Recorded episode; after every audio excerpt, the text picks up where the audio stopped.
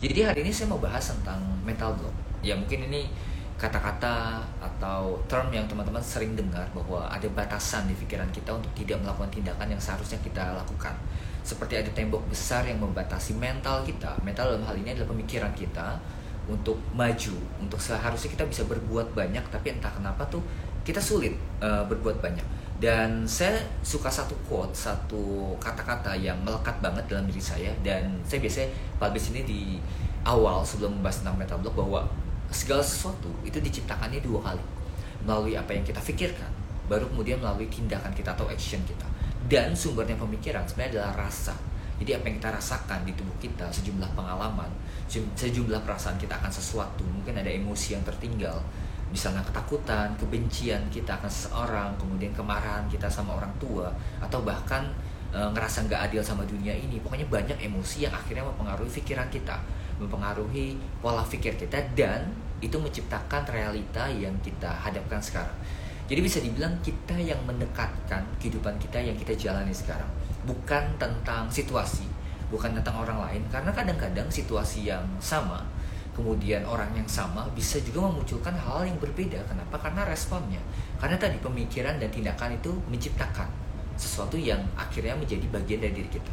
Nah itu saya mulai dengan kata-kata seperti itu supaya teman-teman uh, dapat uh, relate ya dengan materi yang mau saya sampaikan. Nah yang kedua ada satu kisah yang sering banget didengar nih kalau ngomongin soal mental block. Ini kisah klasik yang sebenarnya kalau diceritakan mungkin teman-teman pernah dengar ceritanya tapi ini paling relate dengan mental block. Jadi uh, Alkisah ada seorang pemuda yang berjalan-jalan di sebuah camp di sebuah sirkus bahkan. Ya ada beberapa yang mengisahkan di sirkus. Dan mendapati seekor gajah besar itu diikat dengan sebuah tali yang kecil. Dan gajah ini seperti nggak bisa melepasin diri dan nggak mau untuk melepasin diri dari tali tersebut. Dia tuh nggak berusaha dengan kekuatannya bahwa dia tuh bisa bebas dia tuh bisa keluar dia tuh bisa lepas. Nah pemuda ini penasaran dia juga uh, seperti memaksa gajah ini ayo dong lepasin diri kamu ayo dong tunjukkan kekuatan kamu. Kamu tuh badannya besar tapi kenapa tali yang kecil ini bisa mengikat kamu dan buat kamu nggak bisa bergerak? Dan gajah itu tetap diam. Sampai akhirnya pemuda ini bertemu dengan pelatih gajah. Dan pelatih gajah ini bercerita kembali bahwa sejak dari kecil gajah ini sudah diikat dengan tali yang sama. Dan waktu kecil dia belum punya kekuatan. Dia belum besar. Kan ya kecil ya belum besar gitu ya dan dia nggak mampu untuk lepas dari tali itu. Dia udah coba berkali-kali ditarik digigit bahkan. Dia coba berontak dia coba lari ternyata nggak bisa lepas. Dan akhirnya dia membentuk satu belief kepercayaan bahwa saya terikat saya nggak mampu lepas. Saya diikat sama tali ini dan tali ini menakutkan buat saya. Akhirnya uh, seiring berjalannya waktu kekuatan yang bertambah tubuhnya makin besar. Tapi dia masih percaya bahwa tali yang kecil itu nggak akan bisa dilepaskan Nah itu yang terjadi sama diri kita. Sama sejumlah batasan yang kita punya. Sejumlah ketakutan yang mungkin masih melekat. Masih menyertai diri kita. Jadi pertanyaan adalah Berapa banyak uh, dari kita Dari teman-teman, dari saya juga Bahkan dari klien-klien saya uh, Di ruang konseling dan di ruang terapi Yang percaya pada kegagalan Percaya pada hal yang mungkin menghambat Percaya pada ketidakmungkinan Sebenarnya akibat dari pengalaman di masa lalu Nah, pengalaman itu apa aja? Yang pertama adalah label negatif yang masih melekat dalam diri kita sejumlah perkataan yang kita percayai dan kita anggap seperti itu. Contohnya, saya merasa nggak mampu melakukan apa pun. Saya tuh orang yang nggak berani. Saya tuh orang yang gagal, bahkan hidup adalah kumpulan kegagalan. Saya orang yang rapuh, saya kesepian, atau bahkan sejumlah kejadian traumatik yang masih membayangi kamu dan itu sangat pengaruh terhadap bagaimana kita memandang Eh, masa yang sekarang bagaimana kita tidak berjalan seperti gajah tadi padahal kita punya kekuatan tapi kita menganggap bahwa nggak bisa deh. Saya nggak mampu. Misalnya ada orang yang mau bisnis saya mah nggak bisa bisnis gitu. Atau atau ada orang yang mau cari pekerjaan baru dunia baru saya mah terlalu tua untuk itu. Jadi sejumlah batas sejumlah tembok yang pada akhirnya membentuk diri kita dalam dunia kita sendiri, dalam gelembung kita sendiri. Dan itu terbentuk dari label ketakutan, kejadian traumatik dan yang kadang-kadang kita lupakan adalah cara pandang diri kita terhadap diri kita sendiri atau self image yang kadang-kadang penyebabnya ternyata adalah gambar diri yang rusak sehingga kita tidak berani beranjak dari keadaan yang sekarang. Nah, itu ya sedikit tentang uh, mental block yang bisa teman-teman bahas dan saya akan ilustrasikan ini sebagai sebuah behavior cue bahwa perilaku kita atau aktivitas yang kita lakukan itu lebih banyak digerakkan sama belief atau apa yang kita percaya, apa yang kita anggap penting dan bernilai. Nah, permasalahannya adalah kadang-kadang yang kita percaya itu sesuatu hal yang sifatnya menghambat. Seperti tadi, kita percaya bahwa kita nggak mampu, kita percaya bahwa kita gagal, kita percaya bahwa kita kesepian, kita percaya bahwa dunia ini adalah kumpulan dari orang-orang jahat yang nggak bisa dipercaya uh, kita percaya bahwa kita nggak bisa bisnis kita percaya bahwa saya nggak bisa masuk ke dalam dunia baru uh, kita percaya bahwa saya nggak bisa musik uh, percaya bahwa saya orang kan nggak percaya diri. Dan semua kepercayaan itu akhirnya membentuk behavior membentuk perilaku. Dan ada empat penopang yang pada akhirnya memperkuat perilaku kita. Self talk perkataan kita dengan diri kita sendiri yang berulang-ulang afirmasi dan segala macam. Ini mungkin akan saya buatkan satu tema khusus ya karena bahas tentang self talk itu cukup panjang ya. Kemudian ada state atau emotion. Ini juga sudah pernah disinggung dalam satu tema yang juga saya bahas kalau nggak salah dua minggu yang lalu tentang emotional release. Bahwa ada perbedaan yang signifikan antara emosi yang kamu rasakan, mood yang kamu jalankan, dan juga akhirnya feeling yang menetap dalam diri kamu. Ada perception atau sudut pandang, uh, mindset kita, dan juga ada experience atau sejumlah pengalaman yang tadi bisa traumatik, bisa membahagiakan buat kamu, bisa menyedihkan buat kamu, tapi itu semua jadi penopang pembentuk sebuah behavior. Itu ya. Jadi secara garis besar banyak dari kita yang mencoba untuk menghilangkan kebiasaan buruk, sesuatu hal yang negatif dengan mengubah perilakunya. Itu boleh. Tapi ternyata perilakunya balik lagi. Pernah nggak sih kita punya kebiasaan buruk, misalnya um, apalah jenis kebiasaan bangun siang, kemudian males-malesan itu paling umumnya atau misalnya kebiasaan uh, seperti konsumsi sesuatu yang kurang baik contohnya PMO mungkin alkohol uh, drugs dan segala macam itu kenapa kita berulang kembali di kebiasaan yang sama karena sebenarnya kita masih percaya bahwa hal yang kita lakukan itu membantu mem membuat kita lebih baik membuat kita lebih rileks dan kita larinya ke sana lagi baik lagi ke situ ke situ lagi. Karena belief kita masih di sana ya. singkatnya seperti itu. Uh, saya suka banget sama satu buku ya. ini ada yang komen live di TikTok. Uh, saya nggak aktif di TikTok. Uh, belum sih. Masih belajar uh, untuk sekarang platform saya yang paling banyak adalah Instagram sih ya Instagram. Lebih ke uh, banyak di Instagram. Ya untuk pertanyaan lainnya nanti saya jawab setelah ini ya. Saya cerita dulu tentang salah satu buku favorit saya. Ini buku dari zamannya saya masih SMP kalau nggak salah. Jadi diperkenalkan sama kakak saya kebetulan suka baca. Judulnya Who Moved My Cheese. Jadi uh, bukunya penuh dengan kisah yang menarik storytelling dan bisa buat kita tuh tergerak bahwa oh ternyata selama ini yang buat saya stuck nggak berubah punya mental block tetap begini terus ternyata adalah cara pandang diri saya terhadap diri saya sendiri yang saya bilang tadi ya nah teman-teman buku ini Who Cheese ini salah satu buku yang best seller sampai sekarang pun masih ada teman-teman bisa baca nantinya mengisahkan tentang empat tokoh ada Sniff, Scurry, kemudian ada Hem dan How. Jadi dua ekor tikus dan juga dua orang kurcaci. Jadi manusia yang seukuran dengan tikus. Nah mereka itu punya keinginan untuk uh, makan keju. Jadi mereka suka banget sama keju. Dan mereka melakukan berbagai cara untuk mendapatkan keju. Mereka tinggal di labirin, di lorong-lorong gitu yang penuh dengan persimpangan, penuh dengan jalan, penuh dengan halangan dan ada station atau persinggahan yang bisa mereka tempati. Nah, untuk sniff dan scurry karena mereka tikus, mereka pakai insting. Jadi mereka itu melacak dengan penciuman, mereka tuh melacak uh, keju uh, muter-muter, kemudian trial error. Nah, beda dengan sniff and scurry yang tikus, hum dan how itu berpikir seperti manusia. Jadi mereka tuh berpikirnya menganalisa, uh, memecahkan masalah problem solving. Jadi hum dan how ini kemudian menemukan bahwa ada satu station persinggahan yang disebut sebagai station C dengan keju yang berlimpah dan dengan metode yang berbeda mereka bertemu ya Sniff Scurry Ham dan How mereka berbagi keju di station C. Mereka menikmati kejunya. Tapi yang jadi perbedaan adalah Sniff dan Scurry masih melakukan pencarian. Jadi mereka masih keliling mengendus kemudian melacak. Sementara Ham dan How mereka nyaman bahwa ini kejunya banyak banget gitu nggak akan habis gitu. Kita bisa makan berlimpah. Ya udah kita santai-santai aja mereka yang awalnya bangun pagi untuk uh, bersiap-siap kemudian bangunnya agak siang kenapa karena sudah tahu ya kan kita tinggal ke station C tinggal makan sementara para tikus ini walaupun mungkin dianggap uh, hanya binatang mereka melakukan tindakan yang berbeda. Jadi mereka terus mencari, melihat perubahan dan beradaptasi. Sampai di satu ketika bahwa keju di station C itu habis. Ya, habis ya alasannya jelas karena dimakanin terus sebenarnya.